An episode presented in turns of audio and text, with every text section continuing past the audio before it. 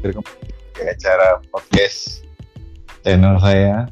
Nah, di sini kebetulan malam ini kita dapat seorang tamu istimewa. Kemarin sempat ngobrol masalah milenial, ini kita ngobrol uh, dengan generasi yang di bawahnya lagi, yaitu Gen Z ya. Di sini ada kebetulan perwakilannya kan, Mas Adam. Gimana Mas Adam? Kabarnya Mas? Iya, baik baik. Baik baik. Gimana baik. kabar lo? Baik, sehat? sehat sehat. Ya, posisi di di mana? Di Kebumen ya? Iya, tepatnya di Karanganyar. Di mana? Gimana tuh Kebumen Karanganyar dibanding Jakarta tuh? Asik nggak? Iya, Sepi nggak? Jakarta lah. Kalau sepinya di sini lebih. Iya. Iya, tapi belum gila kan? belum hampir. Karena ngomong aku jangan bengong, makanya di sana apa kayak lihat YouTube kayak pikiran jangan kosong. Oke, oke. Jadi eh, Mas Adam ini eh, kita lakukan sebagai kita anggap sebagai perwakilan dari Gen Z. Jadi kita tahu bahwa milenial itu kan eh, rata-rata kelahiran dari tahun 81 ya sampai 94. Nah, setelah itu dinamakan Gen Z. Nah, lo itu termasuk Gen Z. Begitu. Kan sudah ada filmnya tuh. Orang buat War Z. Ih, beda jauh itu. Iya, generasi zombie itu. Generasi zombie. Nah, iya, makanya aku kadang berpikir milenial ini kan dibilang kan eh, menghancurkan segalanya kan. Maksudnya toko jadi tutup ya kan. Iya. Terus kemudian toko jadi tutup, koran jadi tutup, ya kan? Banyak lah gitu kan, orang semuanya surfingnya serba online. Orang milenial juga nggak males sudah beli-beli rumah gitu males, punya-punya mobil juga males. Mereka pengennya yang praktis-praktis aja gitu loh. Seperti itu. Nah, nah kita mau ngobrol sama lo ini pengen mengulik lagi. Nah, di bawah milenial masih ada Gen Z. Ya. Nanti kira-kira ada beberapa hal yang coba kita tanyakan kepada lo sebagai perwakilan Gen Z itu kira-kira tanggapan lo seperti apa gitu untuk mewakili generasi lo itu Gen Z bukan generasi zombie kan? Oh, bukan. Ah, udah ada filmnya tuh buat War Z buat War Zombie karena kan milenial juga udah semi-semi zombie. Hari-hari cuman uh, berkutat rebahan. rebahan ambiar pegang sosmed buka Twitter buka Instagram maki-maki terus terus merasa gimana ya wah teman-teman gua segala macem gitu kan. Merasa ketinggalan gitu. Oke. Nah pertama nih gua mau tanya nih lo sebagai Gen Z kira-kira Iya. nih sampai di titik sekarang lo sekarang umur berapa nih Umur 22. Eh, dua dua 23 ya. dua tiga Gua kalau 22 lah ya. 97 berarti tujuh dua dua dong iya matematika 22. nah ini Gen Z ini matematika udah kacau udah berarti ini Gua curiga nih Gen Z ini downgrade ini. Downgrade dari milenial lagi. Enak aja. Oke, ya gini gini, gini gini. Kita kita mulai dari pertanyaan dasar. Oke. Nah, lo, seba- lo sebagai Gen Z, kira-kira lo sekarang umur 22 tahun, lo udah punya prioritas hidup gak? Nah, misalnya ada, prioritas hidup lo sekarang apa?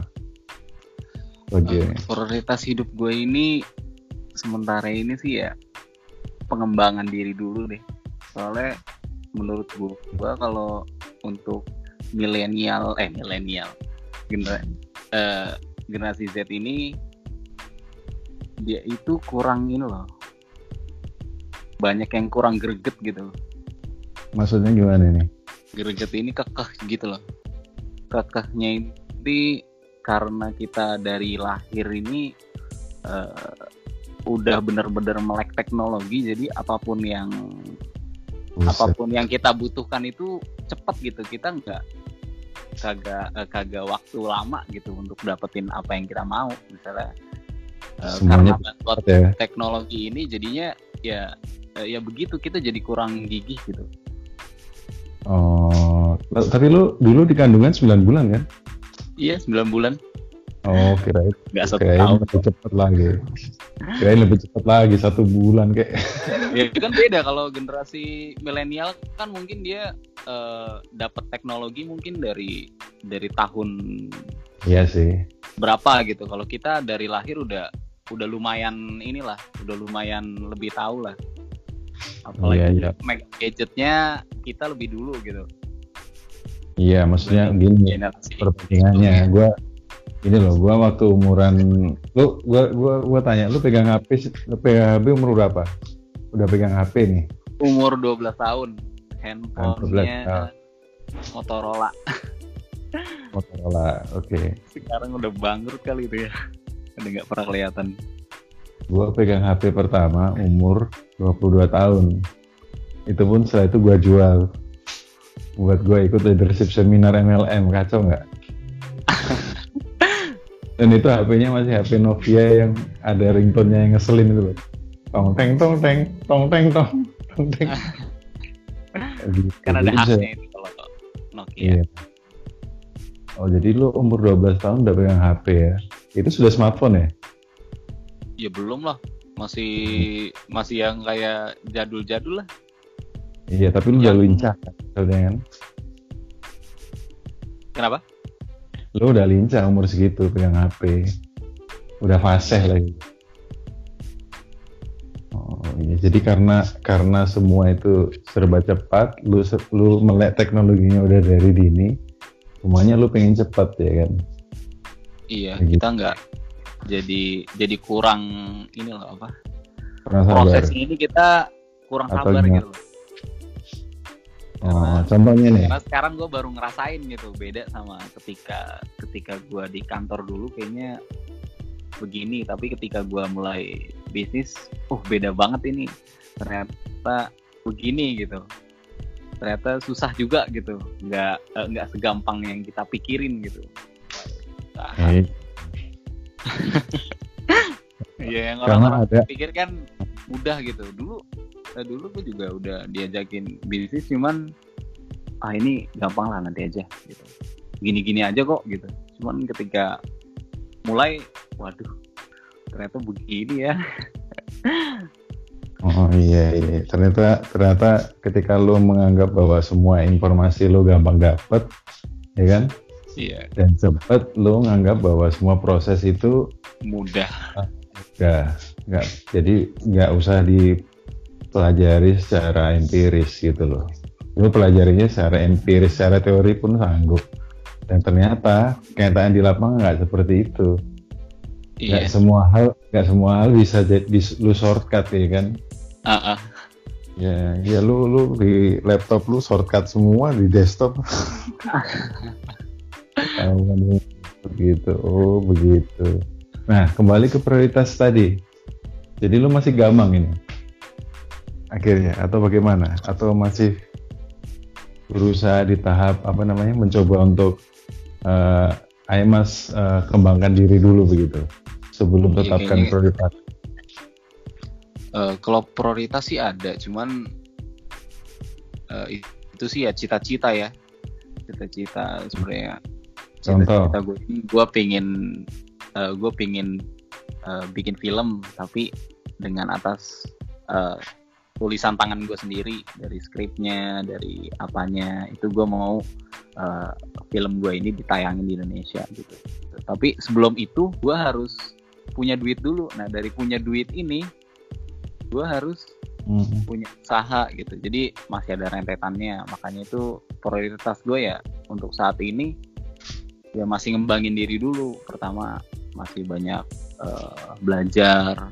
Terus kita harus eh, kembangin karakter kita supaya lebih baik lagi gitu. Sebenarnya yang eh, yang anak-anak generasi Z ini yang butuhin itu gitu. Karena eh, kalau gua sih itu. Cuman misalnya kalau yang lain eh, biasanya sih kalau teman-teman yang sebaya gue ya Hmm. sebaya gue itu dia masih masih seolah-olah itu belum eh, belum nemuin siapa dirinya gitu loh maksudnya eh, eh, gue pingin Tahu ini ngapain? gitu. Iya, jadi andaikan dia mainan sosial media juga yang nggak ada eh, yang nggak ada wow-wownya juga gitu aneh malah kalau gua ngelihat Jadi kayak nggak ada tujuannya gitu ya. iya bener-bener bener-bener nggak ada tujuan ya malah kebanyakan dari mereka itu ngabisin waktu liburannya itu andaikan dia udah punya gaji ya Hmm. cepet lah uangnya habis gitu karena Iya. nongkrong segala macem apa gitu Iya betul betul. Lu tahu nggak milenial aja nih, gua kasih tahu ya. Milenial aja itu susah nabung loh. Dan mereka susah punya rumah. Karena apa? Mereka susah nabung. itu. Karena mereka eh, menganggap bahwa gua rumah, gua bisa tanggal sama orang tua kok, gitu loh. Gua nggak Iya. perlu, ya kan? Rumah isi anu, gua nggak perlu beli rumah sendiri. Nah seperti itu. Jadi prioritasnya itu ya lebih ke nongkrong ya kan lu tahu sekarang Iya. kan sekarang kan warung have fun kopi aja lah maksudnya have fun satu hari gitu loh maksudnya fun untuk besok oh ini besok ada ada kumpul di sini oh have fun gitu. Nanti hari Senin kita kerja lagi. Ya, ya, terus. lah. Terus asal gue bisa ambil foto gue dapat Instagram ya kan? Nah iya. Konten di Instagram gue ya kan? Gue eksis bisa nunjukin. Padahal setelah itu lu bingung sudah. Bingung Hmm. duitnya. Sebenarnya generasi Z ini ya nggak ada duit juga. Gue aja kayaknya nggak ada duit juga ini. Iya karena karena pikirnya masih sotem-sotem gitu. Nggak ada kepikiran buat nabung bagaimana. Ya maksudnya begini daripada gua pusing mikir beli rumah mahal ya kan? Mikirnya udah malu mending gua iya. duit gua bawa gua buat vacation lah ke Bali kayak ke Lombok kayak ya kan? Ah, ah, liburan. Buat liburan kacau bisa. banget itu makanya. Cepet-cepet habis. Oke jadi intinya kalau lo sendiri udah punya prioritas tapi lo lagi membangun step by step ya. Iya. Pertama lu perkuat dulu dari diri lu sendiri. Bagus itu. Karena sebagian besar temen lu yang lain arahnya aja nggak tahu. Jadi kalau lu kan misalnya punya tujuan eh lu mau ke mana? Kapal nih? Mau ke Surabaya? Nah temen lu tuh yang lain gue cuman pengen hanyut deh. Gue cuman gue cuman remahan harus gue cuman remahan roti di dunia remahan. Gitu bahasanya kan. Oke. Oke selanjutnya nih nah kita di zaman ini nggak bisa lepas dari namanya sosial media gitu kan. Iya kan? Iya. Nah sosial media ini ngaruh banget loh. Karena pertama apa? Lo tiap hari lo pegang HP iya kan? Mungkin bisa satu atau dua satu orang dan di satu itu ada namanya sosial media. Lo bisa punya Friendster eh Friendster sorry. Jadi Friendster. banget Friendster. Udah nggak ada Facebook. generasi gua. Yang oke deh Face- Facebook Twitter Instagram LinkedIn mungkin LinkedIn ya kan? Lo menganggap sosial media ini sebagai apa? Itu apakah itu membantu lo? Ya kan? Dan generasi lo? Atau justru itu malah yang bikin distraction. Maksudnya itu bikin perhatian lo terganggu terus gitu. Nggak bisa fokus gara-gara sosial media. Kira-kira posisi sosial media seperti apa? Kalau buat lo sendiri. Kalau buat gua sendiri ya kalau buat gua Hmm. sendiri ya memang bener-bener ganggu gitu loh. Andai kan hmm gitu. Oh sorry. Misalnya kalau dari gua sendiri ya kalau sosial media sebenarnya sih gua ini orangnya nggak eh, nggak eh, nggak begitu suka share share gitu. Jadi gua jarang banget. Makanya gua si taunya secara secara dari sudut pandang mungkin yang gua ngelihat ke teman gua gitu loh. Hmm, kebanyakan teman lo kayak gimana? Kalau kebanyakan temen gue sih ya sosial media itu dia ya mungkin waktunya habisnya cuma itu doang gitu loh. Jadi eh, dia bangun pagi mungkin selfie dia eh, share nanti dia nunggu-nunggu apa nunggu-nunggu eh, mungkin ada yang ngeliat dari temen-temennya atau, atau komen. Jadi itu kan rada-rada buang waktu kita gitu. Andaikan kita bener-bener eh, serius jalanin hidup gitu. Kan hidup kan nggak eh, eh, nggak di sosial media kecuali memang itu untuk karir gitu. Bukan ya atau untuk Mhm. eh, fun-fun sih oke lah gitu. Cuman ya nggak jangan terlalu banyak gitu. Karena kalau terlalu banyak nanti kita jadi kecanduan. Kalau yang udah kecanduan itu udah parah banget. Iya, gue punya temen satu masa iya time eh, timeline ininya eh, storynya itu sampai kecil banget. Itu bener-bener bener-bener buang waktu banget gitu loh. Bener-bener sampai kecil sampai nggak kelihatan. Kiranya cuma lurus doang. Ternyata uh banyak sekali sampai 50 kali ada itu niat banget. Jadi batuk direkam ngupil direkam ya kan? Ya nulis. Gitu. A sampai Z dilekam aduh. Nguap direkam ngerasa lapar nulis gitu kan? Gila ya. Jadi jadi oh jadi begitu. Jadi lu nganggap bahwa sosial media ini posisinya buat lu mengganggu ya kalau gue sih ya negatifnya. satu satu mengganggu untuk eh, masa depan gue kok sampai masa depan? Gimana ceritanya? Masa depan kan karena itu kan nggak bisa kan fokus ya? nggak bisa fokus. Jadi harus kita untuk mencapai tujuan kita itu, itu harus fokus gitu. Kita misalnya kalau kita setiap setiap pagi buka Instagram scroll sampai bawah banget itu juga memang kita seneng sih ngeliatinnya. Cuman ya eh, ya have fun tapi udah gitu loh. Nggak ada eh, nggak ada benefitnya lagi gitu loh. Apa ya? Ya pokoknya yang ngeganggu gua ngeganggu banget sih maksud gua. Ganggu banget ya. Heeh. masalahnya bukan cuma have fun doang loh. Lu buka Instagram lu gua kasih tahu ya. Lu pagi-pagi bangun tidur lu ambil HP lu buka Instagram lu ngelihat di situ ada temen lu yang liburan ke mana temen lu yang baru beli mobil ya kan temen lu yang sama punya cewek cantik ya kan? Lu akhirnya merasa ngerti nggak? Lu merasa akhirnya bandingin kan? Lu merasa ketinggalan akhirnya. Itu namanya FOMO. Feel of missing out. Lu merasa ketinggalan. Dan efeknya itu seharian loh iya karena itu bener-bener bisa bikin kita bad mood banget kan? Iya bad mood, lu pagi-pagi udah bad mood, pagi-pagi mending lu bersyukur kayak alhamdulillah gue kayak alhamdulillah gue sehat, alhamdulillah gue masih bisa makan hari ini. Itu kan alhamdulillah semua keluarga gue sehat. Itu ini enggak lihat Instagram ah, asem.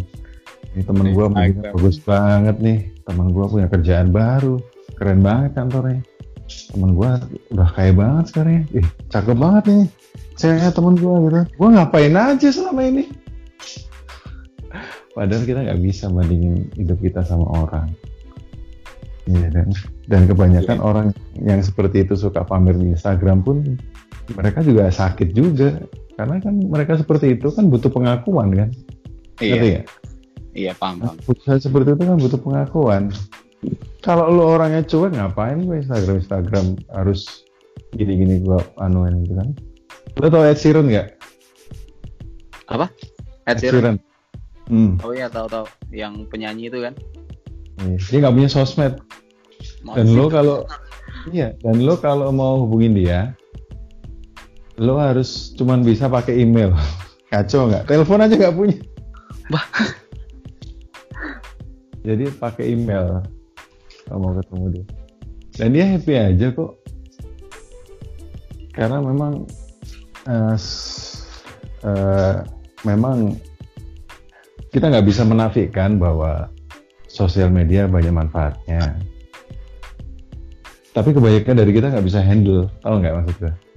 iya satu kita pinginnya yang eh, yang kita senengin aja tapi nggak bermanfaat untuk kita gitu Iya. Terus kedua, tahu-tahu kita lihat berita, misalnya eh, ada tokoh yang kita nggak suka ngomong, ya kan? Politik, gitu. ngomong yang yang nggak logika kita nggak masuk, ngeselin gitu. Akhirnya kita bikin akun baru ya kan, yang nggak jelas, anonim, terus kita maki-maki dia kan. Tuhan semua kata binatang semua keluar, udah waktu kita habis, emosi kita jadi bad mood, ya kan? Gitu. Oke oke, tapi ya semoga teman-teman baguslah kalau lo menganggap itu toxic ya. Artinya kan lo sudah bisa memperlakukan gimana kan sosmed ini kan, gue batasan gue cuma segini gitu kan. Ya ini kan lagi proses pengembangan perbaikan perbaikan diri Ini loh, yang penting tuh lo ingat-ingat tiga hal nih. Yang hal-hal yang lo harus lo hindari. Pertama, sesuatu yang berlebihan. Itu pasti nggak baik. Iya kan? iya Kedua, sesuatu yang bikin lo ketagihan. Itu pasti nggak baik. Dan yang ketiga, sesuatu yang dipaksakan. Itu juga nggak baik pasti. Lo ingat-ingat aja. Tiga hal itu. Jadi, jadi, paksakan. jadi, jadi kalau merasa, eh ini, ini gue udah berlebihan ini. Kayak begini kan. Eh ini gue kayaknya udah ketagihan deh. Iya kan. Aduh, gue kok maksa banget. Nah itu perlu dihindari. Oke, semoga teman-teman lo semua sudah banyak yang insaf. Terus, nah selanjutnya nih, apa-apa kayak tadi kita ngomongin mobil, rumah segala macem, lo lihat teman lo punya ini segala macem. Menurut lo sih kalau posisi lo sekarang, apakah kepemilikan ini buat lo ya, atau mungkin lo sama teman-teman lo itu penting gak sih? Maksudnya di saat sekarang ini lo punya, gue harus punya rumah nih, gue harus punya mobil sendiri nih, sendiri ya. Heeh. Menurut lo penting gak sih? ya kalau kalau dari kalau dari gue ya misalnya kalau kalau untuk seumuran gue sih ya gue oh mobil lah gitu. Cuman kalau kepikiran rumah rumah ini masih belum gitu. Hmm, karena mungkin sebagian dari eh, yang generasi Z ini ya ini masih tinggal sama orang tuanya. Kalau enggak sama sama siapa gitu. Atau dia masih ngemes di kantornya atau dapat kontrakan gitu. Tapi kira-kira suatu satu penting gak sih? Buat lo, kepemilikan gitu punya tanah, punya rumah, punya mobil gitu. Kalau gue sih ya penting. Penting nggak penting sih tak- maksudnya? Bingung juga kalau Gua tanya, kalau ya, ah, gimana gimana? penting karena ya kita misalnya kalau sebenarnya sih entah generasi Z atau milenial ini ya kita pinginnya hidup mandiri gitu loh. Kita nggak kita nggak Hmm. eh, bareng sama orang tua. Kita pinginnya mandiri. Cuman eh, mungkin agak sulit gitu. Lo sudah menganggap itu susah ya? iya. Makanya kan, makanya kan lu, lu baca gak sih berita itu kalau milenial ini terancam gak punya rumah? Iya. Iya karena itu, karena harga rumah semakin mahal, ya kan pertama kan. Iya. Kedua, milenial tuh susah nabung. Ngerti gak? Pikirannya kayak lu pikir, ah gua besok mau begini, ah gua mau hangout, gua mau ah, udah masalah minggu depan gua gak peduli lah. Yang penting gua sekarang seneng gitu kan. Ah. Gua bisa ambil foto Instagram di cafe segala macem. Ya gitu. Iya. Ya itu persis banget itu kayak gue dua dua tahun lalu lah. Kayaknya uang gue paling bulan dapat 4 juta, 4 juta, 4 juta. Nggak tahu tiba-tiba habis aja gitu. Habis, habis, habis. Nah ini pikir uang gue ke mana? Kok habis mulu? Ya, iya, Padahal lu, ting- lu, nongkrong lu apa nggak- segala macam ngopi lah apa. lu nggak ngekos lo. Gua tahu lu ya ngekos. nggak ngekos memang Lo ngapain aja coy, 4 juta habis. Astaga, makan juga. Lu kayaknya cicil laptop lah cicil apa beliin rumah eh beliin rumah beliin adik sesuatu lah apa ya kalau- makan lah apa gitu Sekarang gua lihat, sekarang lu ingat sekarang, lu ingat sekarang. Lu ingat sekarang semua yang udah lewat-lewat. Kira-kira berapa persen sih yang lo habisin tuh penghasilan lo itu yang lo spend buat masa depan itu? Kira-kira ada nggak 50 persen gitu? Eh, gimana gimana berapa persen penghasilan lo yang lo sisihkan buat masa depan lo? Ada nggak misalnya lo ikutan eh, investasi reksadana atau lo nyicil Oh, beli rumah atau lo beli saham di bikin usaha atau apa gitu ngerti nggak? ya Yang- paling bikin usaha aja. Paling kembangin aja. Jadi dapat kembangin. Dapat kembangin. Dapat kembangin. Jadi ya bener-bener nggak ada duit gitu cuman kalau untuk kepikiran beli rumah ya itu Hmm. belum dulu gitu belum ya. Memang belum ada kepikiran? Uh, mobil aja kadang-kadang nggak kepikir kalau kita ah ini pingin mobil gitu. Belum dulu mak. Salah satunya mobil yang lu pikirin cuma mobil legend doang. aduh, aduh, mobil legend, mobil legend. Lu harus pikirin itu investasi. Lu jangan terbawa teman-teman lu. Gua tahu milenial-milenial ini Gen Z ini kan gampang anu karena informasi itu begitu rapid ya, begitu yeah. kenceng ya. Lu lu kalau ya itu tadi ketika lu terlalu sering berkecimpung di sosial media lu gampang dibawa arus ada berita ini emosi ya kan iya mau beli ini lihat Shopee Tokopedia gila murah banget free ongkir men. Ya kan kapan lagi? Beli ya kan padahal nggak tahu butuh butuh apa enggak kan seperti itu. Jadi memang harus ada prinsip bos. Iya paling ya kalau untuk kalau untuk generasi Z ini dia harus belajar inilah manajemen uang lah manajemen keuangan gitu loh. Harus yeah. harus tahan lah batasan-batasannya gitu. Iya. Kalau gue ini baru uh, baru paham ya dalam waktu satu tahun belakangan ini gitu. Dulu-dulu yes. Iya. gue ah ya sudah lah kalau ada duit ya udah nggak usah pelit-pelit gitu. Padahal sekarang ini kita di masa di era yang bagus banget loh. Informasi lu gampang dapet. Kenapa lu nggak cari aja informasi yang bagus? Misalnya cara dengan apa ilmu finansial ya kan bagaimana yeah. berinvestasi yang baik atau gimana caranya ngembangin channel YouTube channel podcast atau bikin blog ah. website kayak begitu toko online gitu banyak tapi orang kan lebih mikirin gimana gue lihat Bu Serigala ya kan apa yang terjadi dengan Vicky Prasetyo dan Angel LK ya gitu itu kan apa yang terjadi dengan Nikita Mirzani dan bukan aku ngomong hal itu jelek cuman kadang itu bikin kita addicted. Inget nggak? Iya. Oke oke.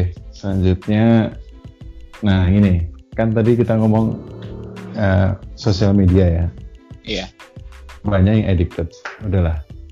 Itu sudah sudah jelas itu. Tapi menurut lo nih generasi lo lo dan generasi lo itu termasuk antisosial nggak sih maksudnya hubungan antar temen itu benar-benar nyata real apa? Kayaknya ya. Hanya hanya demi konten. Jadi ketemu temen biar foto-fotoan dipajang di Instagram gitu kan. Apa benar-benar ada relationship yang teman beneran gitu loh. Kalau kalau gue sendiri ya kalau gue kalau gue ini termasuk orang yang uh, bukan antisosial cuman susah aja cari temen gitu loh susah cari temen yang bisa gue uh, ngomong dengan bangga oh lu temen gue gitu. Hmm, gitu. jarang gitu loh. Jarang orang yang bener-bener uh, maksudnya kayak cocok lah sama gue kita maksudnya kita sepemikiran kita cocok gitu. Andaikan nggak sepemikiran ya kita cocok aja lah gitu. Keluar cocok gitu. Atau main barengnya cocok ngobrolnya cocok. Eh, jarang gitu loh tapi yang gitu. benar-benar benar-benar sahabat ya maksudnya kayak benar-benar lu temen gue gitu. Ya paling ya berapa ya paling cuma bisa dihitung jari lah kalau yang benar-benar kalau benar-benar gue karena kayaknya gue ini orangnya uh, jadi dia misalnya kalau ngelihat gue ini gue pendiam tapi ketika ketika kenal kita kita ngobrol baru dia tahu siapa gue gitu Iya. Mungkin tapi... mungkin kebanyakan orang uh, menurut gue ya banyak teman palsu juga gitu. Orang Buset. generasi Z, Z ini. Ya serius. Poker face. banyak teman palsu. Iya, yeah. gitu. Contohnya kenapa tuh? Kalau bisa bisa ngomong gitu, teman palsu, contoh kasus deh. Misalnya kayak apa? Contoh kasus ya ada dulu yang ya agak uh, dulu kalau temen SMA gue duduknya hmm. bareng sama gue tapi ketika ketika udah lulus kita udah lost kontak gitu. Sekalinya sekalinya dia telepon dang hmm. uh, bantuin gue dong ini ini ini. Gue ada tuh ada edit gambar nih ini ini gitu. Lalu kan orang multimedia gimana? Dia bantuin gue lah gitu. Ya udah ya begitulah teman-teman yang tiba-tiba muncul lagi butuh Hmm. ya ya mungkin itu gitu mungkin jadi lah ya. cuman jadi cuman friends with benefit doang iya Iya. kalau kalau teman-teman maksudnya temen yang bener-bener kita temen kan kita eh, ngobrol kayak gini gitu walaupun walaupun aku sama Pak Yasin jarang kan kita masih eh gimana sih? Iya iya gue tahu. Eh, masih oke lah gitu. Tapi Mhm. ada perbedaan antara antara kita udah lama nggak ngobrol tapi ya begitu gitu. Kalau bener-bener teman tuh cepet loh. Nyambung tuh walaupun lama nggak ngobrol ya. Iya bener lah. Cepet ketawa-ketawa lagi cepet asik lagi gitu. Ya kalau kalau yang masih belum dapat emblem temen ini ya ya begitu kita ngomongnya masih gagak-gagu gitu. Masih Hmm. mikir-mikir aduh gua mau apa gitu. Gua balas Pakai- apa gitu. Menurut gue lu kalau sama temen lu nggak pakai mikir ngomong. Ngapain lu mikir ngomong banyak temen kayak sama sa- lu ketemu sama Paula Verhoeven aja pakai mikir ngomongnya kan? Ya kadang-kadang kan kita bikin gitu sedikit ya. dulu. Iya iya. Pakai Jelas gitu? gitu. iya iya juga sih tapi begitu ya jadi eh teman tuh penting lo lu tau nggak? Lu pernah baca begini. Lu kalau nggak punya temen ya kan real friend ya lu kalau nggak merasa nggak punya temen tuh lu kayak ngerokok 6 batang rokok sehari loh. Masa? Beneran itu nggak bagus buat jantung lu. Maksudnya orang kan merasa feel lonely kan. Aduh gua nggak punya temen. Dan sekarang itu banyak. Coba lu cek deh di twitter twitter itu lu temen-temen lu tuh yang manifest manifest itu loh. Siapa mau jadi kakak gua? Eh ayo dong temenan temenan dong sama gua gitu gua nggak punya temen gitu loh. Ngerti nggak? Kayak paham. Paham. parah kan? Orang tuh sampai harus mencari teman tuh di di random place yang isinya nggak tahu apakah di situ ada malaikat setan biawak kan paus. Ah, nggak tahu kan? Ya kan? Twitter kan? Alter semua orang tuh sampai mau yang seperti itu loh. Dan itu banyak yang kayak begitu. Jadi menjalani menjalani kealpaan apa ya sosial lah gua bilang kan. Dan berkubang di itu di tempat yang namanya dunia maya ini. Dan itu banyak itu. Jadi em, kalau lu nggak punya teman real friend tuh kecenderungan tuh depresi itu bisa anu karena gua Iya. gua terus terang gua gua gua gua dulu eh, lahir dan besar di era di mana gua belum kenal internet belum kenal smartphone kan. Dan gua punya gua masih ingat gua, gua punya bener punya real friend gitu loh. Dan gua ingat ketika lu punya real friend lu nggak ada itu yang namanya depresi. Karena kalau sama temen kan kita lihat aja udah seneng gitu loh.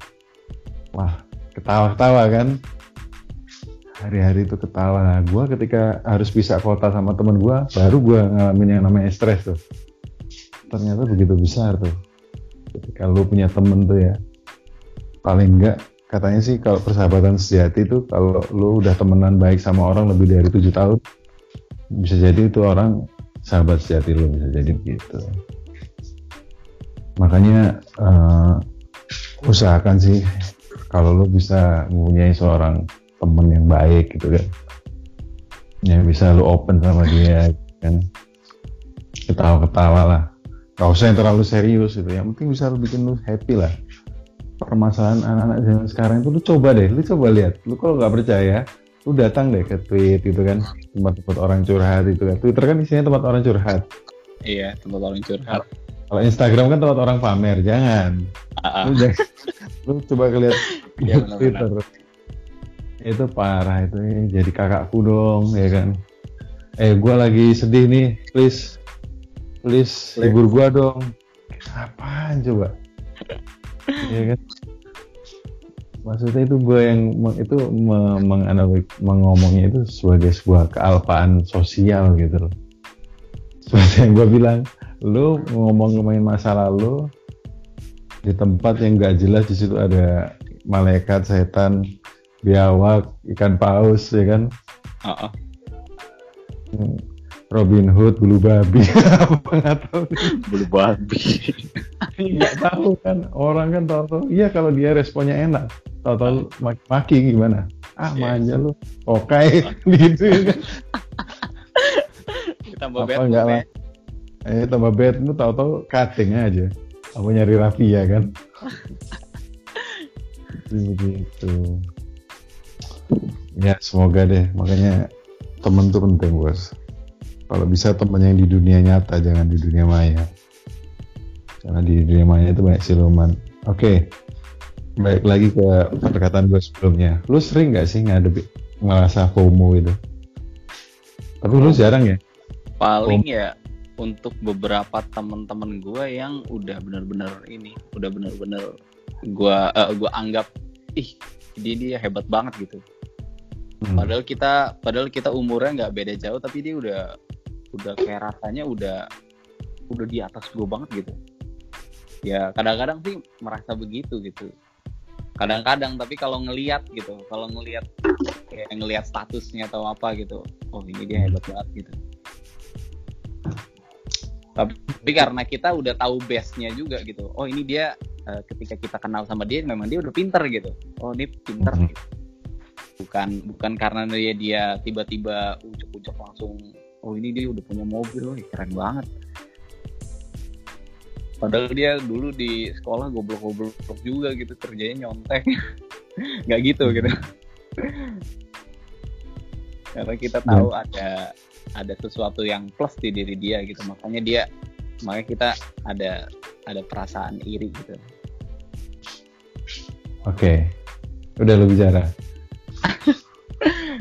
apalagi ya mungkin begitu ya Oh, kurang lebih begitu ya. Uh -uh. Nah, gue sekarang gue tanya begini, apa urusannya lo sama hidup orang? Nah, iya itu. Ya ngaruh nggak sebenarnya dia punya mobil kayak dia punya pesawat atau dia bisa terbang kayak? Tapi apa rasanya ketika ketika gue ngelihat dia itu rasa rasanya gue langsung langsung bandingin diri gue sama dia gitu. Ya walaupun kita nggak walaupun kita beda gitu loh. Tapi uh, entah gimana langsung oh bandingin gitu. Oh dia oh dia udah punya ini gue belum gitu. Oh dia udah bisa gini gue belum gitu. Ya hmm. kayaknya refleks aja gitu loh. Bukan akhirnya gimana gitu. Itu bukan refleks itu kebiasaan. Nah terus akhirnya lo merasa down kan? Ya ya sedikit cuman gue langsung alihkan aja langsung langsung gue alas tapi ada kan seperti itu kan? Ya ada lah. Dan teman-teman lo juga banyak seperti itu. Ya itu tadi bangun-bangun buka Instagram anjir temen gue udah punya mobil pekerjaannya bagus gila ceweknya cakep banget. Ya kan? Segala macam kayak gitulah. Itu orang buka-buka api sendiri lihat-lihat orang sendiri, sendiri. terus ngerasa down sendiri. Dan dia nggak nyadar hidupnya sama hidup orang lain tuh beda. Beda. Sekarang gue tanya Obama. Obama jadi presiden umur 46 tahun. Muda kan? Oh, bandingin sama Trump. Trump. Trump umur 70 tahun. Emang Trump ngerasa rendah? Rendah diri. Aduh gua tua baru jadi presiden. Kagak. Lo nggak bisa bandingin. Lo kan suka nulis di Wattpad tuh Wattpad. Gak bisa bandingin chapter 1 lo sama chapter 20 orang. Ini bukan race man, ini bukan balapan. Iya. Lo nggak bisa. Iya kan? Ada Mark Zuckerberg jadi bilioner umurnya masih 20-an tahun. Dia bikin Facebook. Tapi ada juga namanya Josh Bezos jadi bilioner umurnya udah deket 40 tahun. Sekarang malah jadi orang terkaya di dunia kan? Begitu maksudku kita gini loh. Yang harus generasi lo lo dan generasi lo mungkin harus fokus ya kan? Lo harus fokus ngerti nggak? Sama tujuan lo aja. Jangan lo biarin uh, sosial media atau apa pun itu jadi toxic buat lo. Bagus lah kalau lo udah bisa yang cutting gitu kan misalnya ada pikiran-pikiran FOMO udah ah apaan ini? Udah gue lanjutin apa ini bisnis gue kerjaan. Kerjaan gue ntar banyak kelamun ntar masuk lagi kuyang kepala gue kan. Gue kerjaan gak selesai gue kesurupan. Begitu. Maksudnya jadinya nggak lucu gitu loh sudahlah. Orang kalau orang udah misalnya lo anggap sukses udahlah doain aja semoga rezekinya tambah banyak. Gitu. Loh kok, kok sudah sukses masih didoain? Nah kalau itu berarti kalau lu doain dia nanti kalau dia dapat rezeki itu nanti pahalanya juga lu dapat gitu loh. Ngerti ya iya iya iya. Tuh, jadi lo gak usah iri, gak usah lah iri sama orang. Lo sama orang lain beda. enggak gue bukan nggak gue bukan ngiri apa sih namanya ya? Nah, mana gitu lu, lu ngomong ya itu FOMO tadi lu ketinggalan. Gua ganti bahasanya ya, bukan Iya, iri. Lu FOMO, FOMO. jangan ngiri Lu FOMO lah, lu FOMO. F ya, H ya. F, Iya. bukan H ya. F. Heeh. FOMO Gitu. Jadi ya lebih baik lu kan udah punya tahu nih track lu apaan nih. Misalnya 10 tahun. Gua, gua tanya sekarang, lu lima tahun lagi pengen jadi apa? Atau lu pengen achieve apa? Ini pertanyaan paling mendasar nih. Lima tahun lagi deh. kalau lima tahun lagi yang pasti gue udah nikah satu Oke. kedua kedua eh, bisnis gue udah autopilot enggaknya gue bisa dapat income yang hmm, yang paling 30 juta lah per bulan gitu dulu Oke. Lu harus spesifik sama angka, semoga Bos. 50 lah Nah, boleh, boleh, boleh. Harus jelas nih sama angka spesifik, Bos. Jadi Iya. nanti suatu saat lu lima tahun lagi, anjir. Gue gue target dua dulu 30. Sekarang gue masih masih cuman lima nih. Salahnya di mana ya gue? Oh, selama ini gue kebanyakan nonton Instagram gue ternyata. iya Energi gue habis buat FOMO doang gitu. gitu lu fokus ya. Bagus lu kalau udah punya target lu harus gitu lima tahun ntar lu harus bagaimana bagaimana. Jadi lu tahu ah, targetnya seperti apa. Oke, terus apa ya tadi ya? Lanjut ke selanjutnya. Nah, lo kan di Gen Z ini termasuk banyak yang lagi bingung ya. Generasi-generasi itu masih mencari anu lah, mencari arah lah mungkin kan teman-teman lo. Mungkin lo juga sempat Iya. seperti masih ya masih banyak yang mencari arah lah maksudnya eh pingin dia itu pingin gimana gitu Hmm. untuk hidupnya gitu Nah, kira-kira dari generasi lo siapa generasi yang bisa jadi panutan? Generasi gua Generasi lo, lo sama generasi lo kira-kira bisa menjadikan generasi yang mana yang bisa menjadi panutan lo? eh, kayaknya sih kayaknya sih bukan milenial ya paling kayak di Milenial. mungkin karena ya Baby boomer, Gen X ya, Gen X. ya baby boomers lah Ya generasinya Atau- itu. atau Bokap gua Pak Dilo itu. nah iya itu. Misalnya Karena- kalau yang generasi milenial ya nggak ada yang benar-benar maksudnya yang kalau kita nganggep panutan itu berarti kita benar-benar hormat sama dia kita percaya apa yang yang dia omongin itu benar. Menjadikan dia teladan. iya. terus eh, apa eh, tingkah lakunya bisa kita tiru gitu. Itu menurut gua sih kalau gua ya kalau gua belum ada dari milenial gitu Karena milenial sendiri lu pik- masih bingung gampang juga ya.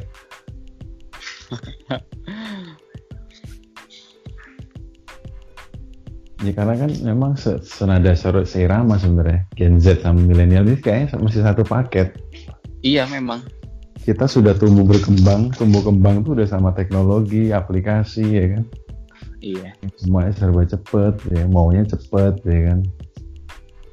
Nah, seperti itu. Jadi lu lebih ber meneladani orang-orang dari generasi X atau boomer ya. iya. Karena mereka lebih stabil ya kan? Iya iya lebih stabil. lebih layak diteladani gitu kan? Ah ah, bener-bener lebih layak daripada generasi milenial. Lebih fokus ya kan? Lebih fokus gitu kan? Karena mereka memang kayak generasi baby boomer gitu kan Gen X itu memang mereka lebih fokus sama tujuannya ya kan? Mereka nggak gampang terdistraction cuman di satu sisi mereka sensitif. Ngerti nggak? Iya karena Ya. apa ya? Sensitif dan respect itu penting. Ngerti nggak? Iya iya paham. Respect itu penting. Maksudnya eh lu lu anu ah, lu gua uh, manajer atasan lu ya kan? Lu kalau ngomong sama gua jangan jangan ngasal. gua gitu. Iya lu gua udah kerja lu juga baru masih dicebokin kan begitu? Gua udah kerja masih dicebokin. Maksudnya begitu ada seperti itu. Kan kalau milenial kan udah gap gap itu kan udah nggak anu kan? Oh iya suka ada. lebih suka yang kita udah kayak temen gitu kan? Seperti itu. Cuman memang kelemahannya dari milenial dan Gen Z ini fokus itu ya kan? Fokus itu yang karena kita tiap hari itu tadi sosmed segala macem. Eh ada game baru nih ya kan? Download. Main. Terus eh keluar ngopi ngopi ngopi ya kan? Gue juga heran kenapa sih warung kopi itu booming banget ya zaman sekarang? Di semua kota loh. Percaya nggak lo? Karena iya karena ya ya begitu anak anak milenial ya maunya ya satu kita eh, ngobrol bareng teman-teman kita ngobrol santai lah. Mm-mm. kedua ya wifi gratis juga karena nggak ada duit. Kampret. Jadi lu lu lah duit lu habis beli kopi biar bisa ngobrol sama teman-teman lu. Dan gimana caranya lu bisa tetap eksis? Eh, caranya cari wifi gratis kan begitu kan kadang gue juga bingung ini arahnya memang arahnya ke mana ini ya anak-anak kan memang merubah segalanya gitu.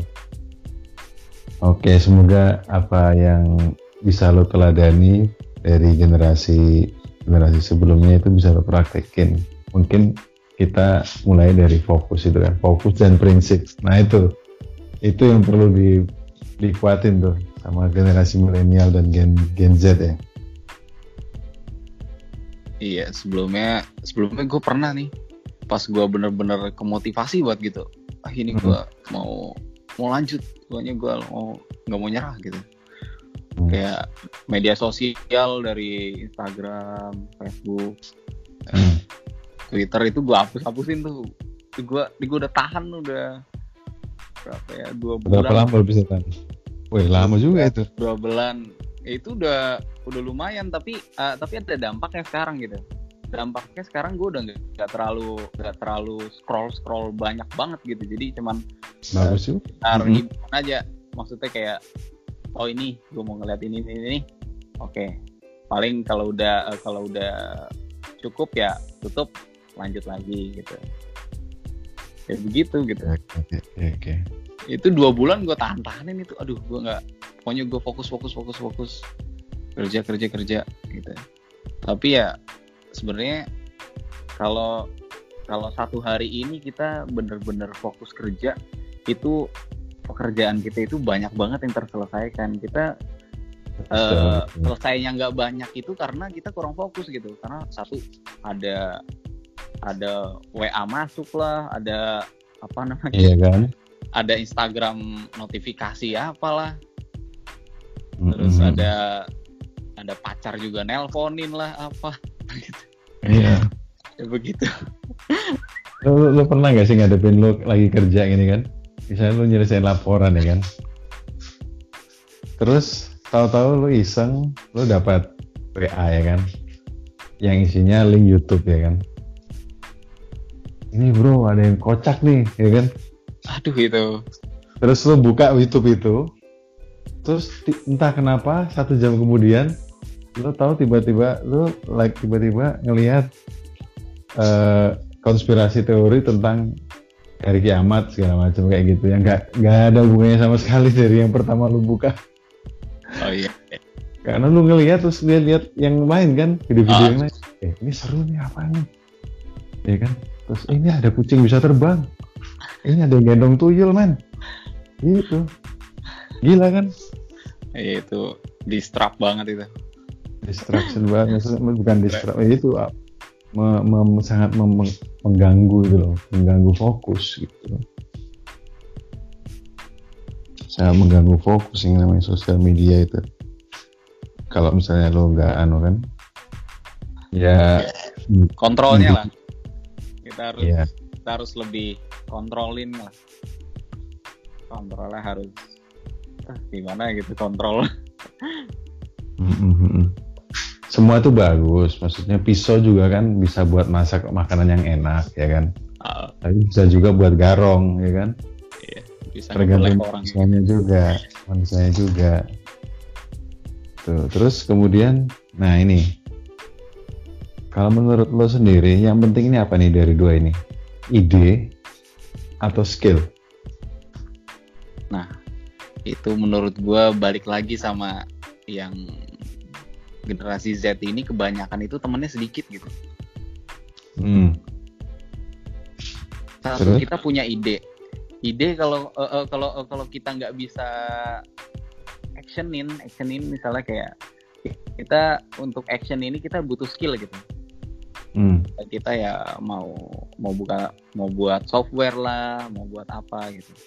Untuk untuk memulai itu kita rasa-rasanya kita butuh skill gitu. Tapi ya antara perbandingan ide dan skill itu balik lagi kembali sama orangnya. Kalau misalnya kalau kita eh, kalau orangnya fokus hanya ke skill nanti dia bakal kerja jadi karyawan gitu tapi ketika ketika kita eh, lebih besarin ide kita pemikiran kita dibandingkan bukan dibandingkan ya maksudnya dibarengi sama skill ya itu kita bisa bisa mulai lah. Maksudnya bisa di atasnya karyawan lah. Udah beda pikirnya gitu. Ya iya masalahnya kan begini. Lo sendiri gua tanya lo punya berapa cerita lo di Wattpad? Wattpad itu ada 15 mungkin Iya kan. Satu lagi yang perlu. Jadi gini, ide penting. Lu kalau nggak bisa punya ide, lu nggak bisa mulai sesuatu. iya Tapi di satu sisi, skill cukup tetap harus lu asah. Jadi lu bikin cerita tapi amburadul ya kan. Iya, skill bahasa, skill nulisnya lah ya skill nulisnya itu. Dan itu banyak loh tutorial di internet walau yang berbayar sama enggak kan di YouTube itu banyak orang-orang terkenal tuh ngasih ilmunya. Kita tinggal nyari men gitu kan. Mungkin keluar dari duit sedikit nggak masalah lah. Tapi sebenarnya ada satu lagi yang perlu lo ingat yaitu apa? Fo- fokus tadi. Konsistensi. Iya iya Nah, konsistensi. konsistensi ini yang konsistensi ini yang paling paling berharga yang kita, sering kita lupa. Jadi kita menganggap bahwa kita udah nulis paragraf pertama itu udah selesai tugas kita kan, gampang Iya. ntar nih. Men, lu nulis cerita kalau itu belum tamat, belum lo edit lagi, itu nggak akan jadi. Itu pun harus melewati itu kan. Makanya nggak semua orang bisa jadi J.K. Rowling iya nggak semua orang bisa jadi Agatha Christie nggak semua orang bisa jadi siapa yang lu tahu Conan Doyle kan? Misal kalau di Indonesia ya mungkin Tere Terelia lah. Terelie Terelie bahkan harus harus harus itu dulu dia. Dia harus riset dulu. Iya kan? Ah, dia kudu riset dulu. Nah gitu. Jadi konsistensi penting lu lu nggak usah jauh-jauh. Lihat aja di Wattpad cerita satu belum selesai lu ano ya kan? Jadi lu menganggap bahwa dengan sekian banyak draft ini udah nunjukin kesuksesan lu men itu semua belum selesai. Mending lu selesai satu cerita matang baru selesai editingnya segala macam baru lu bikin cerita kedua. Itu jauh lebih baik. Ya kan? Iya. Ide tanpa tindakan tanpa skill nggak akan nggak akan jadi apa-apa berantakan tapi skill tindakan tanpa ide Gak jelas arahnya. Gak jelas. Tapi ide, ide skill tanpa konsistensi gak akan selesai. Iya benar banget itu. Iya, gue juga ngalami soalnya. Emang namanya gap ini ya kita harus harus cari tips and triknya lah. Kita cari tips itu sama orang yang udah ibarat lo ibarat lo pengen jadi juara Mobile Legend kan, lo harus cari tipsnya itu sama yang juara sebelumnya gitu. Jadi lo kalau pengen jadi penulis yang baik ya, lo harus tanya kepada penulis baik yang lo kenal, ya kan? Yang jadi anuan lo gitu kan. Jadi panutan. Oke, panutan lo tadi generasi sebelumnya itu. Oke, lanjutnya. Nah, tadi lo udah jawab belum sih? Generasi lo itu termasuk gampang cari duit dan gampang nabung gak sih? Susah Kalau- ya? Kalau nyari duit ya agak susah. Hmm. Agak susah nyari duit karena Kan gampang, eh nabungnya yang susah. Kok kenapa? Kok nyari nyari duit? duit nyari duit susah, nabungnya juga susah. Itu menurut gua lah ya. Kenapa kira-kira kalau menurut lo? karena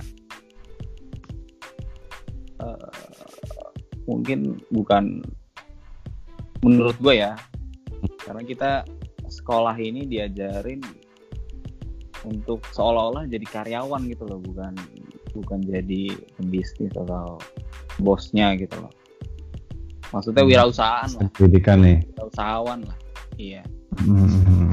satu satu itu kedua ya mentalnya juga mental untuk eh, pingin orang kalau pingin dapat duit banyak kan dia harus harus bekerja dengan banyak juga bukan kalau misal kalau dia pingin dapat duit Hmm. eh, bisa biasa aja ya udah kerjanya bisa biasa aja gitu kan kan begitu Hmm. Hmm.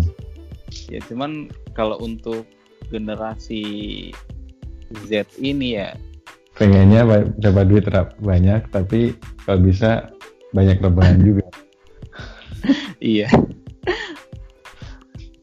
gue jadi gue heran juga ada istilah rebahan itu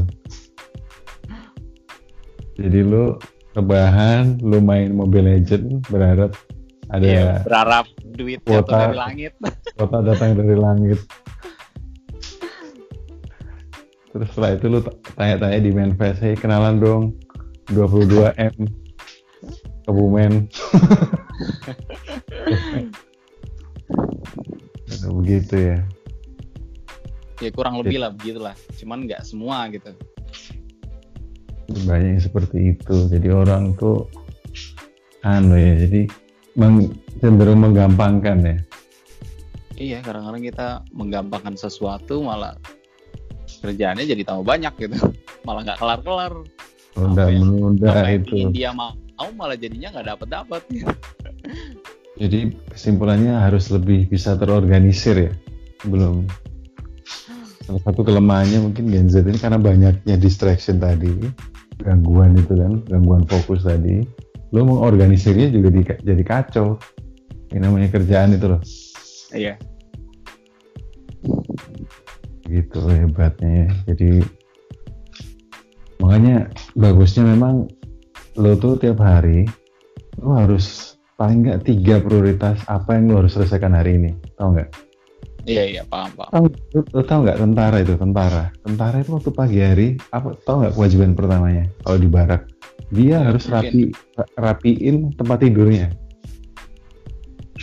wajib itu lo Iya. tau nggak sebabnya apa ketika lo rapiin tempat tidur lo di pagi hari lo udah nyelesain satu pekerjaan ya kan Iya. dan ketika lo sudah nyelesain satu pekerjaan kepercayaan diri lo naik ngerti gak? Oh iya, iya, iya, iya, iya. Apalagi misalnya gini nih, lo ada PR dari Pak Ade lo, eh gimana itu NIB itu? Eh, kan? gimana itu pajak? Kok belum dilapor itu? Nah gitu kan. Akhirnya di hari itu lo mati-matian nyelesain itu. NIB pajak, NIB, Oke. sa- ah, itu pajak sama NIB. Dan ketika lo pajak selesai, NIB selesai di satu hari itu. perasaan lu gimana kalau Iya, tuh pekerjaan selesai? banget gitu ya. saya satisfy kan? Lu seolah- pede kan? Iya, kayak merasa kayak seolah-olah gimana ya? Sumringah gitu lah satu beban lu lepas ya kan? Kedua lu karena kan itu kan tugas ya tugas utama ya sesuatu yang diperhatikan. Kedua lu satisfied terhadap diri lo ngerti kan percaya diri itu lo tuh naik. Ketika percaya diri lo naik lo makin positif. Dan lo ah kalau lo udah itu lo bisa gaya-gaya kan lo akhirnya agak gaya-gaya. Mana lagi nih? Kerjaan yang belum selesai nih. Gitu kan. Gini yang kemarin aja gini aja gue selesai kok. Gitu. Jadi lu makin orang tuh yang bagus tuh kecanduan untuk ketika orang itu sudah sukses melakukan sesuatu yang dia anggap achieve sesuatu yang dia anggap berat ya. Misalnya lu misalnya akhirnya uh, ternyata gue bisa uh, accomplish loh 50 juta sebulan ya kan. Pas pas lima tahun ya. nah lu akhirnya ketagihan Iya. akhirnya lu target baru lagi. Terus, nah itu kenapa orang sukses itu begitu? Dia grafiknya eksponensial naik. Karena dia ketika mencapai satu kesuksesan dia terketagihan untuk sukses lagi gitu loh yang ini aja bisa gua harus bikin sesuatu yang lebih. Gitu. Orang kan nggak boleh stagnan. Sekarang lu punya 100 triliun eh 100 miliar. Tapi lu diem aja nggak apa-apain. Nggak usah nggak apa. Stres lo ngerti ya? You're not doing something. Man. beneran. Ya itu. Makanya bagusnya memang paling enggak lo tuh punya kayak eh, eh gua hari ini apa, ngapain ya? Tiga hari eh paling enggak tiga hal utama deh. Dan saran gua selesaiin yang paling berat dulu. Di pagi hari kan yang paling paling mudah. paling yang paling bukan. Yang paling berat dulu. Ketika pagi hari ketika mood lu masih lumayan bagus oh iya lu iya. masih- lu selesaikan dulu. Gitu. Jangan yang mudah dulu ntar lu sore lu udah aduh capek banget gua. Udah seharian gini kan malas lah besok aja lah. Nah lu tunda ketika lu nunda. Iya benar lu, benar. lu ketika lu nunda gue kasih tahu. Ketika lu nunda lu ngasih PR ke diri lu. Iya. beban kejiwaan lu juga makin berat gitu. Ah. anjir gua selesai selesai ini. Perasaan gua udah target dari sebulan kemarin. Sekarang nggak selesai payah banget sih gua. Nah, ini bahaya ketika lu bilang payah banget sih gue ini bahaya. Satu hal tentang psikologis yang gue tahu ya Hmm. orang misalnya bahkan ngomong eh dam monyet lu gitu kan gitu kan. Lu gitu kan. Orang baik orang lain tuh kayak maki-maki lu gitu kan. Itu sebenarnya nggak penting. Iya, akan ngaruh kalau lo nganggap Masuk lah. anjir, jangan salah gue Brad Pitt gitu kan. Jangan salah gue Zac Efron men.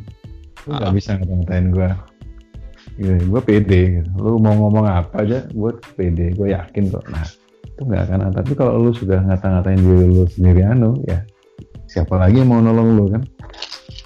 Jadi jangan. Dan depresi itu kayak adiksi juga loh ngerti nggak? Iya memang. Depresi itu ya gimana ya? Kayak uh, Iya. energi kita udah terangkat duluan gitu loh sebelum Iya. kita mulai Jadi gua gua gua gua ngerasa kalau depresi itu kayak drugs. Ngerti gak? Itu sakit tapi lu ketagihan. Dan levelnya makin maksudnya itu kan sakit. Orang minum drugs kan efeknya nggak bagus ya kan. Orang Iya. kayak nggak kerja itu kan sakit tapi lu pengen lagi pengen lagi lu ketagihan sama kayak depresi lu lu ngomongin wah gue gue emang bangsat gue emang bangke gitu. Nggak ada itu tapi gitu terus. Kalau nggak segera di cut ya kan? Nah jadi jauhilah terutama nggak kita paling nggak itu harus ngomong yang positif lah ke diri kita diri, diri kita sendiri gitu loh. Ngerti nggak? Iya. nggak perlu nggak usah. gue pernah pernah denger gitu ada eh, siapa gitu yang ngomong entah dari mana entah dari YouTube entah dari buku. Sebenarnya eh, secerewet-cerewetnya kita ngomong itu cuman berapa ribu kata gitu per hari. Tapi eh, itu kalau kita lewat lisan ya tapi kalau kita dalam hati itu tiga kali lipatnya gitu. Makanya iya kan. Hati-hati kalau eh, kalau kita eh, berbicara dalam hati maksudnya kayak gimana ya? Maksudnya kayak ngebatin atau gimana gitu. Iya. Ya dan hati-hati gitu. Jangan jangan sampai eh, bikin bikin diri kita sendiri ini jadi down gitu. Malah jadi kurang pede atau jadi Hmm. jadi nggak semangat gitu. Dan jangan itu- sampai kayak gitu gitu. Iya sih. Karena itu Dan- akan bawa Iya. Dan itu banyak banget yang depresi itu. Dulu lihat aja di Twitter tuh. Isinya orang curhat ngeluh aja kan. Ya itu udah addictive. Makin ke sini makin ketagihan untuk ngeluh. Iya kan. Ngata-ngatain dirinya hidup gua, gua bisa nggak sih nggak dilahirin di dunia itu ujungnya apa? Makin depresi makin diri depresi ujungnya bunuh diri. Konyol kan? iya Padahal lu hidup tuh udah anugerah yang luar biasa. Lu pernah pikir gak sih? Dulu gua itu nggak ada loh. Sekarang ada loh. Suatu saat nggak ada lagi loh. Lu pernah pikir gak sih betapa dahsyatnya itu proses itu loh? Shortcut begitu. Ya. Gitu. Lu mikir gitu aja lu, lu mikir gitu aja lu pasti merinding loh ujung-ujungnya. Maksudnya hidup itu gift gitu loh sebuah hadiah gitu bahwa kita diciptakan dari nggak ada jadi ada gitu kita terpilih gitu tapi banyak orang yang nggak bersyukur memahami hal itu terus semuanya hanya blaming aja semua itu ya itu janganlah stop lah seperti itu tapi ya Hah? bener loh maksudnya kayak eh, ketika orang nggak punya temen ya satu kan dia Hmm. butuh pelampiasan untuk apa ya mengungkapkan unek-uneknya gitu ya ya mau Hmm. nggak mau dia lewat media sosial gitu dan Iya. itu memang buat buat ketagihan sih menurut gua maksudnya Iya. sekali sekali kita curahin di situ oh ternyata oh, banyak yang respon eh, entah responnya baik atau enggak eh, tapi eh, ada ada eh, ada yang stay sifat gitu juga. Maksudnya kayak kebuang aja gitu loh. Maksudnya kayak oh udah lega gitu. Udah buang di sini. Udah lega udah buang di sini. Jadi keterusan gitu. Dan itu eh, kayaknya dulu gue juga pernah ngalamin pas SMP kalau nggak salah. Lu SMP main anak apaan? Facebook, Facebook. Emang lu dan ngomong apa di Facebook? emang lu ngomong apaan di Facebook malu lah gue deh cuman ini dulu kan ada apa yang nggak bisa gue ceritain ke teman-teman gue jadi gue buat buat akun beda gitu maksudnya kayak eh, akun cuma namanya A terus belakangnya K gitu kan ada garis bawahan A terus Hmm. apa K gitu terus gue tulis Hmm. Eh, karena gue nggak mau eh, keluarga gue tahu, saudara-saudara gue tahu, teman-teman gue tahu, Hmm. gue nggak bisa cerita ke siapa pun gitu. Jadi gue di situlah gitu. Jadi dulu orang tua gue pernah pernah mau cerai gitu. Jadi gue ah gimana ya gitu. Karena gue nggak nggak paham jadi ya udahlah gue nggak ya bingung aja gimana sih ya anak SMP gitu Eh, ada masalah kayak gini jadi dia kayak hopeless gitu minta kayak pertolongan tapi bingung gitu gimana? Minta tolong Iya, siapa gitu. Jadinya ya karena kita tahu media sosial ya kita bisa ngomong Iya. apa aja di sana ya udahlah ngomong aja di situ gitu. Walaupun nggak ada yang read juga gitu. Iya iya iya. Tapi udah tapi udah lumayan lah gitu. Ya mungkin ya mungkin begitu bisa buat kecanduan gitu tapi alhamdulillah gue nggak kagak kagak mau orang lain tahu kalau gue ini lemah gitu. Gue mau orang lain melihat gue itu oh Adam gini gitu. Oke gitu. Ya begitulah. Iya, iya. Jadi memang ini sih memang itu lagi kan kita sebagai seorang generasi Z atau milenial sekalipun memang orang tuh butuh mentor sebenarnya, butuh panutan gitu gitu kan. Atau butuh seorang itu sahabat mentor panutan itu penting. Sahabat sama mentor ya. Jadi kita itu bisa benar-benar kayak menyalurkan itu maksudnya mengungkapkan itu ke tempat yang tepat. Karena ketika lu menceritakan unek-unek lo ya kan? Uh. sebenarnya separuh dari beban itu udah keangkat gitu loh. Iya tapi masalahnya enggak. kan gimana tapi nggak selesai kan masalahnya percuma gitu. Iya cuman, iya juga. cuman ininya aja apa sih ah lepas gitu gimana sih? Rasanya. Ya lu lega lu cuma nyari lega doang masalah sih tetap ada.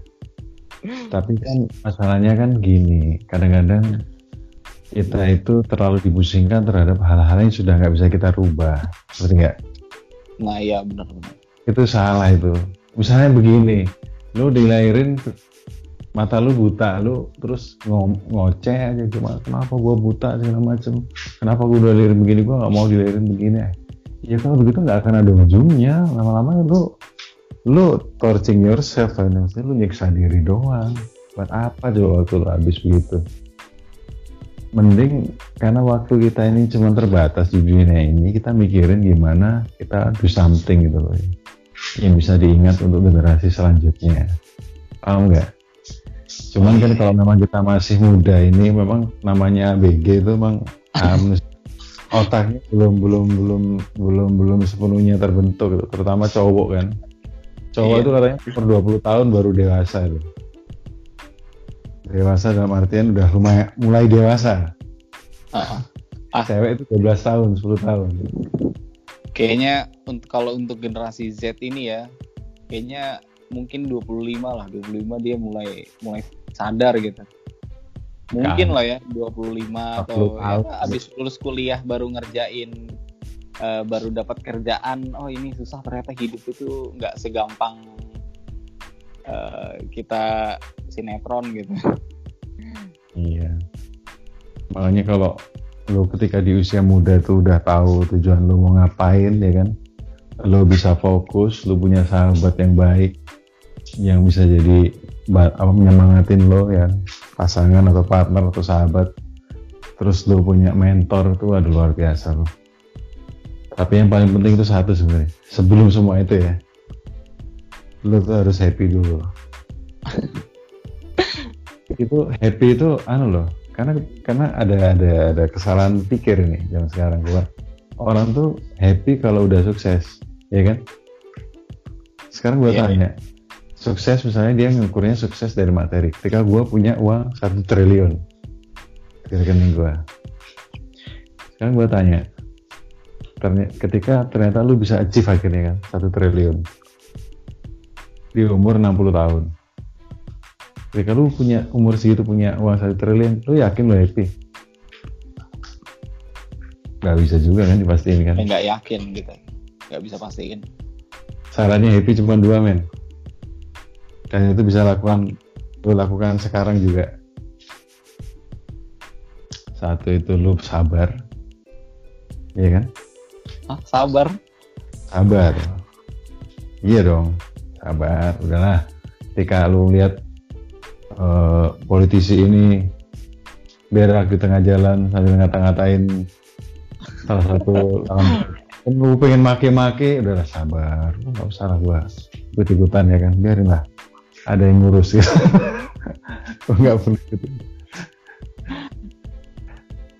Penting itu kalau lo bisa bersabar. Maksudnya jangan sampai orang itu bisa ngatur kebahagiaan lo ngerti gak? iya iya iya. Kebahagiaan lo itu diatur orang. Maksudnya gini. Dan lu tai lu terus lu emosi anjir lu bangka lu bubuk bubuk bubuk ya kan. Apa itu bubuk bubuk babuk ya berantem. Oh. das das das das. Ya lu capek lu lihat terus setiap hari dunia ini nggak fair. Pasti akan ada yang kayak begitu. Orang lagi stres pengen maki-maki ketemu lu terus pas ketemunya lu kan? Uh -uh. ada masalah lu kena kan? Aduh momennya tepat banget itu. Kalau lu nggak sabar lu nggak bisa sabar lu akhirnya dikendaliin orang gitu ya happy lu dikendalin orang. Turunin standar kebahagiaan lo kalau perlu. Oke lu punya tujuan punya satu triliun silahkan. Tapi turunin standar kebahagiaan lo jadi jangan sampai ah gua baru seneng kalau gua makan uh, di Bandar Jakarta ya kan. Gua baru happy tuh. Nah, jangan. Lu ah gua makan tempe udah seneng kok ya alhamdulillah. Ya kemampuan kedua adalah bersyukur. Lu harus kuasai itu skill itu mudah gampang bersyukur. Iya gampang bersyukur. Iya. Saya begini. Karena- Ya, gara-gara Dan- susah juga. Saya makan tempe penyet. Alhamdulillah tempe penyet bos. Enak ini. Apalagi pakai nasi. Ketika lu bisa mau bisa bisa apa namanya? Bisa bersyukur makan tempe penyet. Terus gua kasih dam ayam dam alhamdulillah lu sujud syukur kali. Atau lu kayang dulu kan? Sujud syukur. Ya, ayam gua hari ada yang ngasih kan. Gitu. Tapi kan bener kan? Jangan- Iya, benar. jangan sampai ketika sekarang lu penghasilan masih 4 juta lu makan tempe udah seneng lu ketika ketika lu penghasilan lu 50 juta lu harus makan lobster dulu baru lu seneng yang harganya udah mahal gitu kan. Iya jutaan. Jangan sampai gaya hidup lu juga harus harus naik. Gak ada hubungannya itu. Heeh. makanya kalau kalau bisa lu kalau bisa happy sekarang udah langsung happy. Gua kasih selamat buat lu Lu. Udah sukses. Menurut gua. Karena happy itu bukan karena happy itu terserah lu sebenarnya bukan materi yang bikin lu happy tapi lu yang bikin diri lu happy. Iya kan? Iya. kan nggak ada undang-undangnya happy. Gua harus punya follower lu apa lu di lu boleh happy kalau lu udah punya satu juta follower kan? Mungkin sampai lu dilahirin tujuh kali bisa jadi lu nggak punya satu juta follower ya kan? Bisa jadi. Karena bukan artis lu bukan Cristiano Ronaldo ya kan? Lu bukan siapa-siapa makanya kalau lu kalau bisa lu sama generasi lu bisa happy sekarang gua kasih selamat sama lu. Intinya dua itu. Lu sabar sama lu lu ahli bersabar sama lu ahli bersyukur. Bisa itu dilatih semua bisa. Kayak otot ini bisa jadi gede kok. Caranya gimana? Dilatih. Hari-hari begitu. Nah sekali lagi konsistensi men. Iya Iya kan? kan jadi ketika ada pikiran jelek kan bangke nih ini si siapa? Si orang ini kok ngomong ngawur-ngawur lagi nih ya kan? Atau ada teman lu yang, yang ada teman lu yang cerita yang misu-misu di sosmed Facebook. Ya kan? Nggak jelas lu pengen gatel pengen komentarin Nah, udahlah. Langsung di cut aja kayak gitu gitu unfollow gitu aja. Tetap temenan kan? Tapi unfollow gitu aja udah aku aku, aku begitu kok ketika gue lihat teman gue yang negatif. Gue tetap hormatin dia cuman gue gue unfollow aja. Eh unfollow ini ketahuan gak sih? Enggak. Enggak.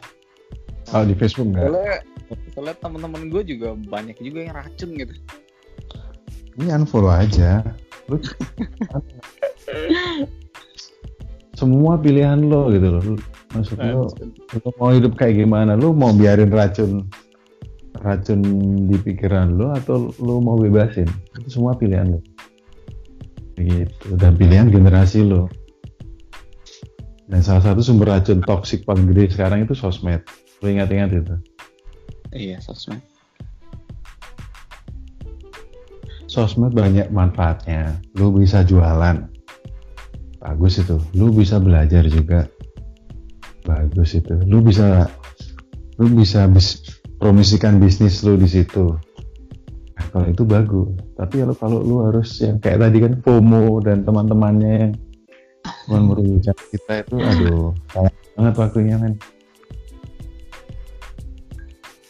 Dan lu masih 22 tahun. Temen lu juga seumuran masih sama umurnya masih panjang. Gak ada kata telat ah. Baru gua pun belajar segini kan gua baru belajar K-pop nih tadi nih. Ah K-pop K-pop. Gua dengerin B- BTS men.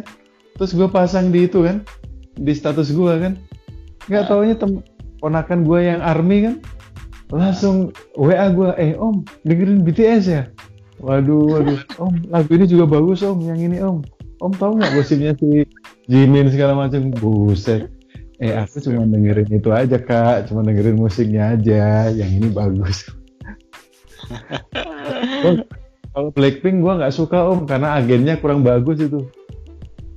Agen? Ya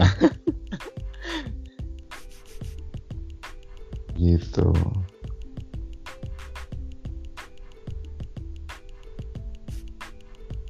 Ya sudah intinya kan kita udah panjang lebar nih. Udah banyak lah yang yang kita kupas tuntas nih terkait Gen Z generasi lo kan uh, oke okay, yang terakhir ya udah cukup malam nih sembilannya uh,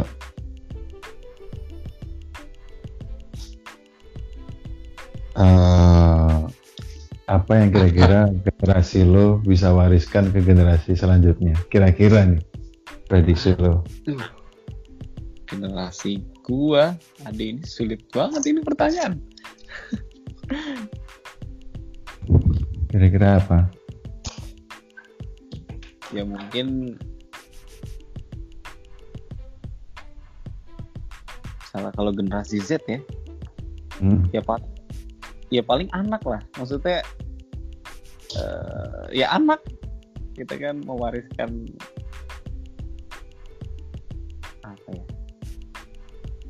ya maksudnya mungkin generasi Z ini dia punya sudut pandang yang berbeda dibandingkan uh, cara kepemimpinan keluarga uh, milenial atau di atasnya milenial gitu. Ya mungkin aja bisa lebih baik mungkin. Oke. Siap siap. Ya oke lah. Moga-moga memang seperti untuk, apa yang jadi untuk generasi selanjutnya kehidupannya bisa lebih baik juga terutama pola pikirnya oke siap siap oke cukup lumayan kita bicara mungkin karena waktu ya terbatas waktu kita sudahi dulu Oke oke. Oke terima kasih uh, Om yeah. Adam. Yuk sama-sama.